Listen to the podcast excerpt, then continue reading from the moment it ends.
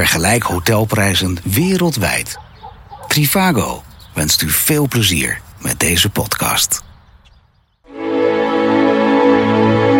Dit is weer een nieuwe aflevering van Paranormaal of Niet. Tegenover mij zit Viola Holt, die, eh, die vindt zeker dat ze paranormaal is. En natuurlijk Thomas. Wel, niet? Zeg ik iets verkeerd, Thomas? Nou, ik ben, ik, ben abs, ik ben wel normaal, maar niet paranormaal hoor. Nee, maar Ah, je ik- gelooft ik geloof wel in. wel in het Ze paranormale, maar dat betekent paranormaal. niet dat ik het zelf ben. Hè? Oké, nou, da- daar gaan we het zo ook over hebben. Ehm, Thomas, Ja, hartelijk welkom trouwens terug weer eh, bij eh, Paranormaal. Niet. gezellig weer. Ehm, ik ben een niet-gelover, dus wat dat betreft hebben we daarmee al gelijk een leuke show te pakken. Ja. Ehm, maar we hadden net voordat we weer op de knop drukten van, van opname, hadden we ook weer een leuke discussie eh, hier buitenom. En ik denk, ja, dat gaan we niet doen. We gaan gewoon weer in de uitzending beginnen. Mhm. Ehm, psychometrie. Ja, Daar wilde u nog even op terugkomen. Want, zeg jij, eh, we hadden het eventjes over... dan kan ik even de luisteraar erbij trekken. Ehm, wij hadden bij de vorige aflevering een beetje een discussie... over het, het, of, of dingen feitelijk toetsbaar zijn... of dat het spiritueel feitelijk toetsbaar is. Want daar had jij een verschil over. En toen kwam je met een voorbeeld net eventjes. Ik denk, nou, laten we dat maar gelijk opnemen. Dan hebben we dat er, er dan bij. ja. alleen je, je hebt het nu over psychometrie. En psychometrie is het voelen, het lezen van foto's en voorwerpen. Dat is iets anders dan waar we het over hadden. Oké.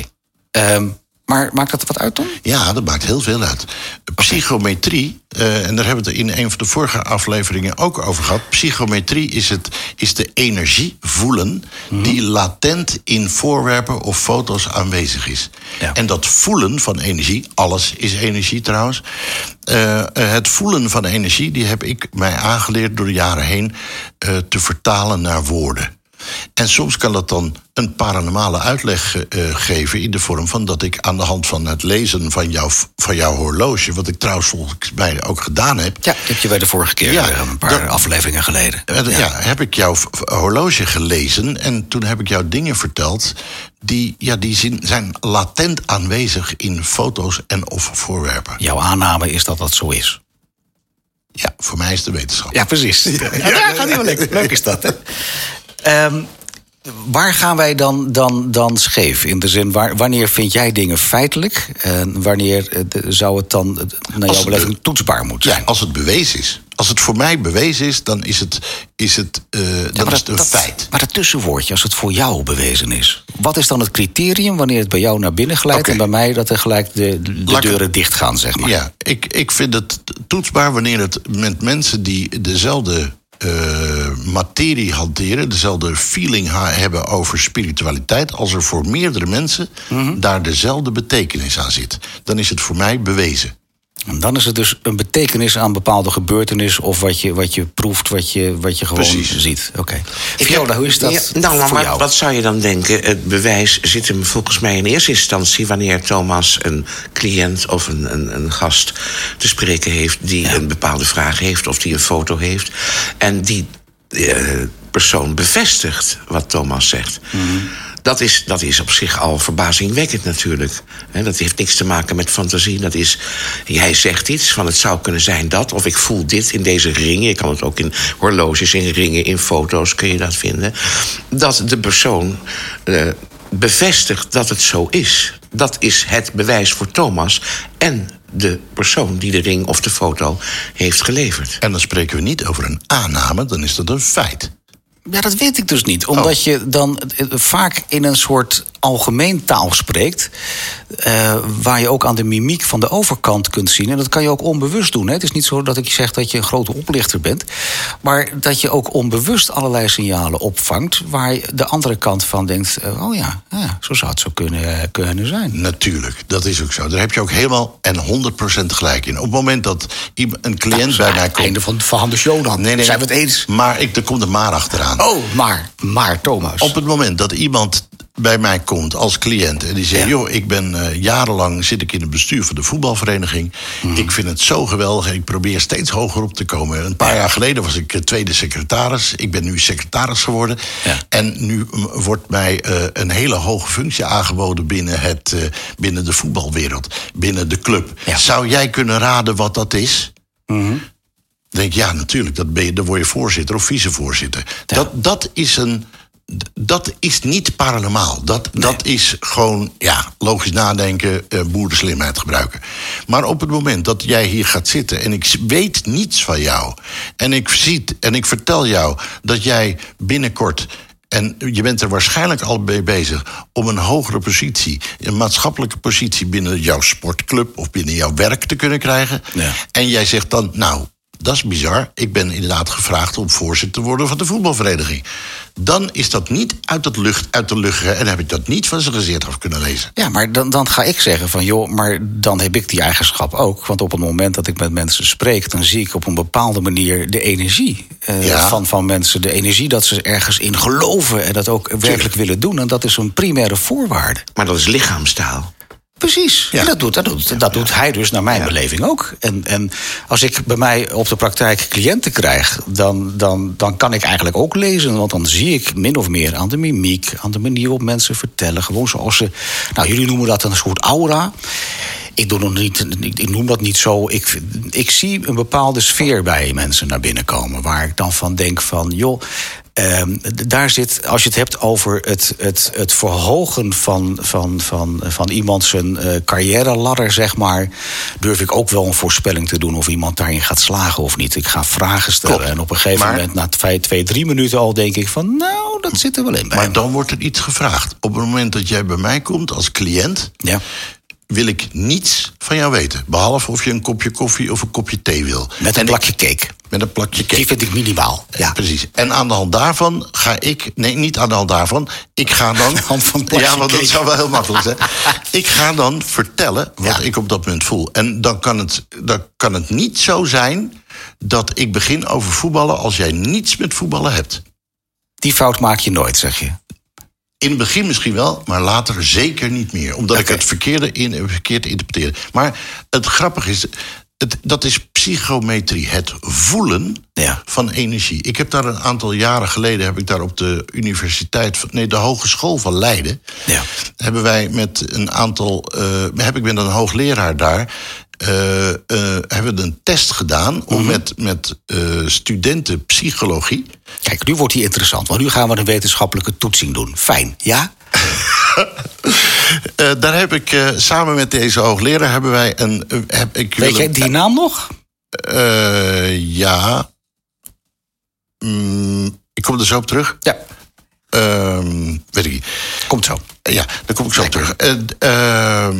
En dan ben ik even het, uh, antwoord. Oh ja, nee, dat was bij de Hogeschool van deze, Leiden. Deze meneer die, die is dus op een gegeven moment bij mij gekomen. Eerst privé. En die zegt, hoe kan het nou zijn dat als jij, als jij een foto van mij leest... van mijn overleden opa of van mijn... Precies. Hoe kan het dan zijn dat jij wel de informatie eruit haalt en ik niet? Hebben wij dan een andere... Kijk, dat wil nou iedereen die thuis zit en dit in zijn oortjes hoort... wil dat weten. Juist. Hoe werkt dat nou, Thomas? Dus toen hebben we gezegd, nou, ik weet het niet. Volgens mij moet jij dit ook kunnen. Toen zegt hij, nee, dat kan ik echt niet. Toen hebben we een test gedaan. Toen hebben we een test gedaan. We hebben, wat hebben we gedaan? We hebben enveloppen genomen. Die hebben we dichtgeplakt. En daar zaten, uh, weet ik veel, we hebben tien studenten psychologie en tien van mijn leerlingen hebben wij bij elkaar jouw leerlingen, in, een lokaal, in een lokaal. Heel even, wat, wat studeerden de leerlingen toen? Uh, psychologie, zei ik. Ja, maar jouw leerlingen? Oh, mij, die deden bij mij de cursus of de, de opleiding uh, intuïtieve ontwikkeling. Intuïtieve ontwikkeling. Dus je had tien personen die psychologie studeerden de aan ja. de Hogeschool van Leiden. Ja. Dat waren gewoon wetenschappers, ja. zeg maar, of aankomend wetenschappers. En je had tien mensen die bij jou uh, de intuïtieve ontwikkeling aan het volgen waren. Voilà. Dat was even, ja, dat was ik even beeld heb. Oké. Okay. Uh, de, de, de, man die ik daar, die het contact was, daar, de, de, man die daar dus ook les geeft, dat is Joop Burgerhout geweest. Mm -hmm. Um, um, maar goed, wat hebben we gedaan? Ik heb, we hebben uh, van een onafhankelijk iemand, een van de mensen die ik niet kende en Joop ook niet, hebben wij een foto in een envelop laten doen. En wat voor foto was dat? Van een meneer of een mevrouw. Willekeurig. Ja, ik dacht dat het. Uh, nou, dat weet ik ook. Daar kom ik ook. Jawel, die. Even details vragen. Dat vind ik altijd wat moeilijk. Maar goed, we hebben een foto van een meneer ingedaan.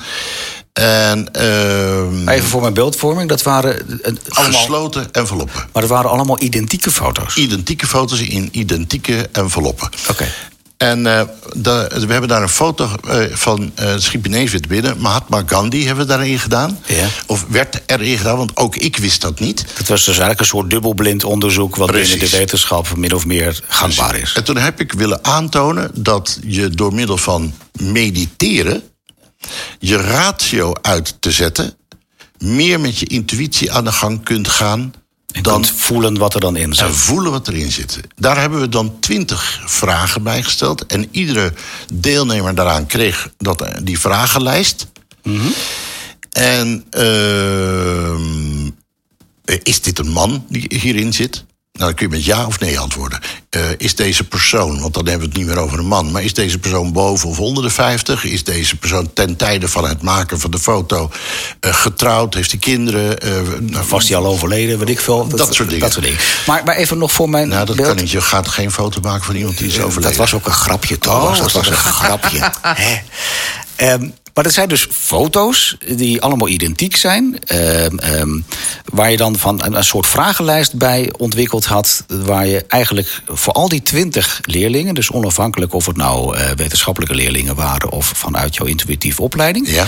eh, dezelfde foto moesten zij die vragenlijst antwoord op geven. Juist. Dat is het idee. Juist. Dus dat is eigenlijk ook een soort wetenschappelijke Test. eh, test Ja, ja. Van, van, van nou, wat klopt er nu of niet? Precies. Interessant. En toen? Eh, we hebben daar. eh, ik weet en ik ben er van 100% van overtuigd dat als je in een bepaalde meditatieve sfeer gaat, dus je gaat in meditatie, waardoor je je ratio minder kans geeft, geeft om, Om maar in te grijpen. om Ja. in te grijpen, en je laat je echt op je intuïtie laat je je gaan, Mhm. Dan ben je in staat om de vragen die, die gesteld worden op dat formulier, om die op de juiste manier in te vullen. Maar je hebt dus ook eigenlijk de wetenschappelijke studenten heb je ook in meditatie. Dezelfde vragen, ja, dezelfde meditatie, Nee, dat dezelfde ook- vragen. Oké, maar dat was voor die studenten wel redelijk nieuw dan. Ja, sommigen konden er ook niet in komen. Nee. Want die vonden het inderdaad zweverig. Ja. Ja. Je gaat er niet zitten mediteren hier, zeg. Precies, doe eens Met even idee. normaal, man. Ja, Ja, precies. dat Ja. snap ik. Ja. Maar goed, en toen? Nou, ehm, ik, eh, de, ik heb niet exact de cijfers voorhanden. Maar ik weet wel dat van de 20 vragen die gesteld werden, zaten ze gemiddeld boven de 10 die goed waren. Gemiddeld boven de 10. Eh, ik, eh, het gemiddelde, eh, moet ik heel eerlijk zijn, was geloof ik 14 vragen goed. Ja. Er was er één bij van 17 vragen goed. Dat was overigens wel een leerling van mij. Maar eh, eh, daarmee, althans zegt die, die hoogleraar of die professor, zei... daarmee is nog niet bewezen dat we kunnen, eh 100% kunnen lezen wat erin zit aan de hand van spiritualiteit. Nee. Want hij vond dat nog niet doorslaggevend. Hij Nee, dat, dat moet ook verder gaan. Maar het is een leuke wetenschappelijke toets. het dit, is een absoluut wetenschappelijke toets onder- ja. Er was er één bij, die had 17 vragen goed. Dat is echt uitzonderlijk. Ja.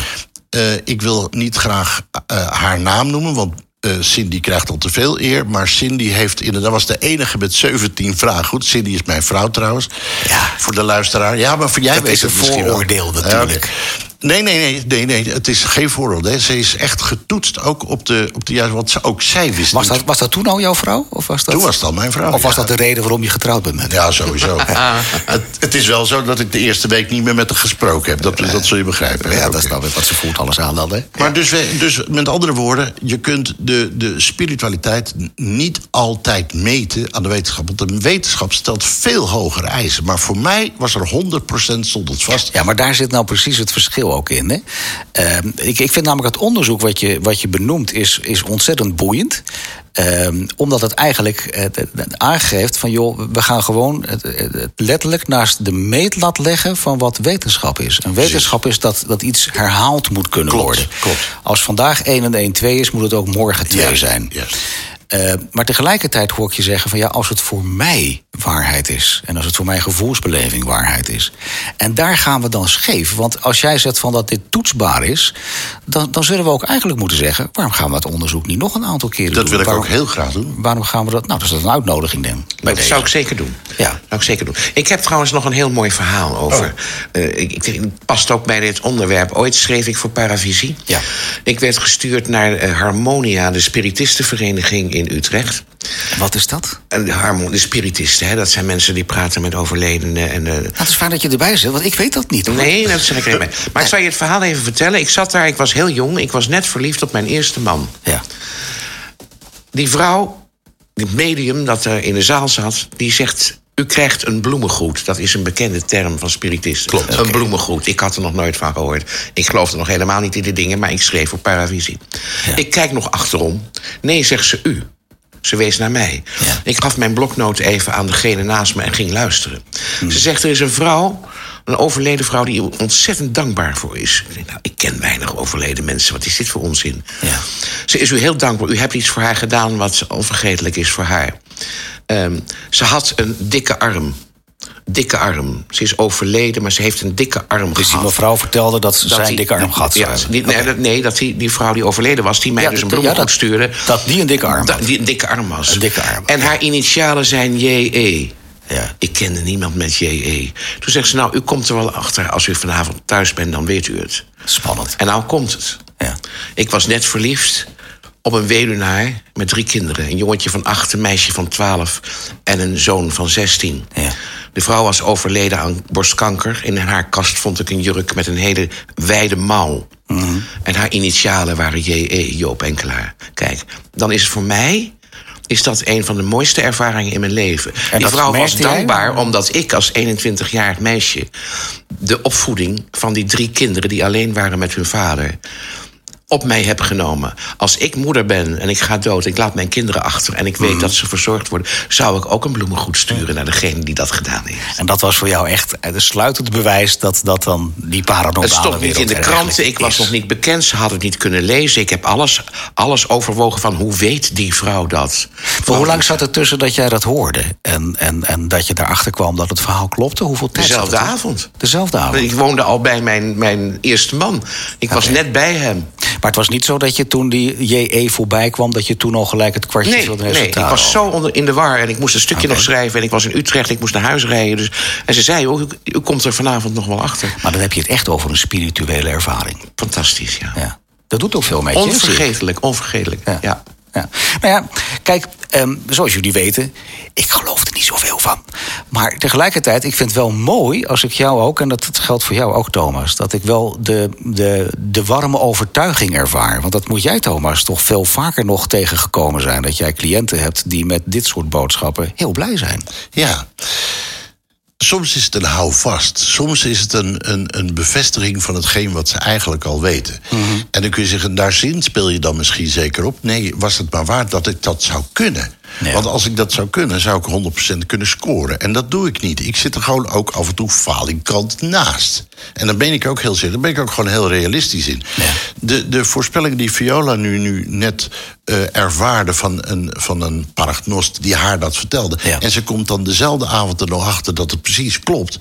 Dan zeg je, dat is, wat is dat mooi. Maar zo werkt dat. Zo werkt, dat zijn de signalen die je krijgt van degene zijn. Je krijgt geen uitgebreid handboek of woordenboek van het zit van A tot Z. Het zijn impulsen. Het zijn kleine sferen die je mee mag krijgen. En, die, en, en als dat dan klopt en het helpt jou er, ergens doorheen te komen, dan is het alleen maar mooi. Ze zijn er ongetwijfeld ook in de wetenschap mensen die op dezelfde wijze mensen helpen. Mensen die eh, eh, een, een, een, een gevoel hebben over iets. Die leggen dat uit. En ja, wat fijn dat je me begrijpt. En zo. Het is een hulpmiddel. Niet meer dan dat.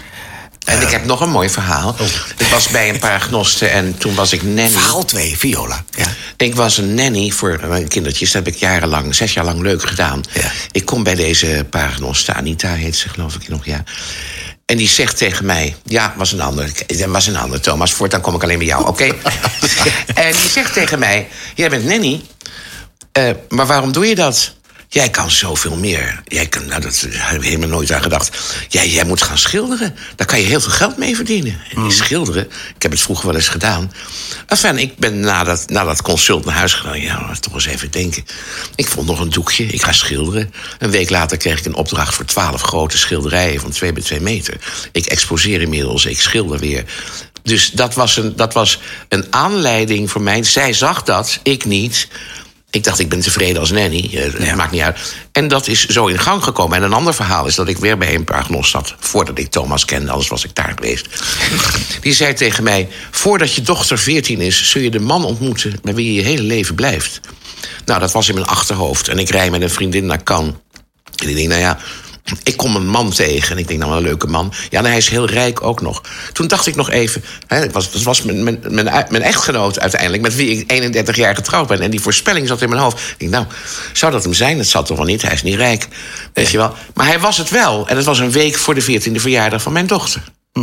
Dus zo zie je maar weer dat die dingen toch En zo loop jij van de ene spirituele ervaring de andere. Juist. En, en, en, en met plezier.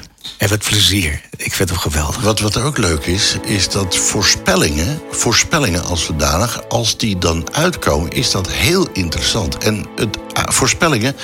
eh, Thomas, ik, Ja, eh, nee, ik, ik wil er graag een, uitzending een keer met jou over spreken. Kan Dat dat? gaan we zo meteen doen. Oh, wat een leuk idee. We gaan gewoon, bij de volgende aflevering gaan we het daarover hebben. Voorspellingen. Leuk idee. Viola Holt, Thomas, dankjewel.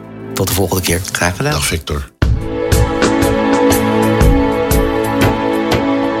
Dankjewel voor het luisteren naar deze podcast. Om deze kostendekkend te kunnen blijven maken, zijn wij afhankelijk van sponsoren en donateurs.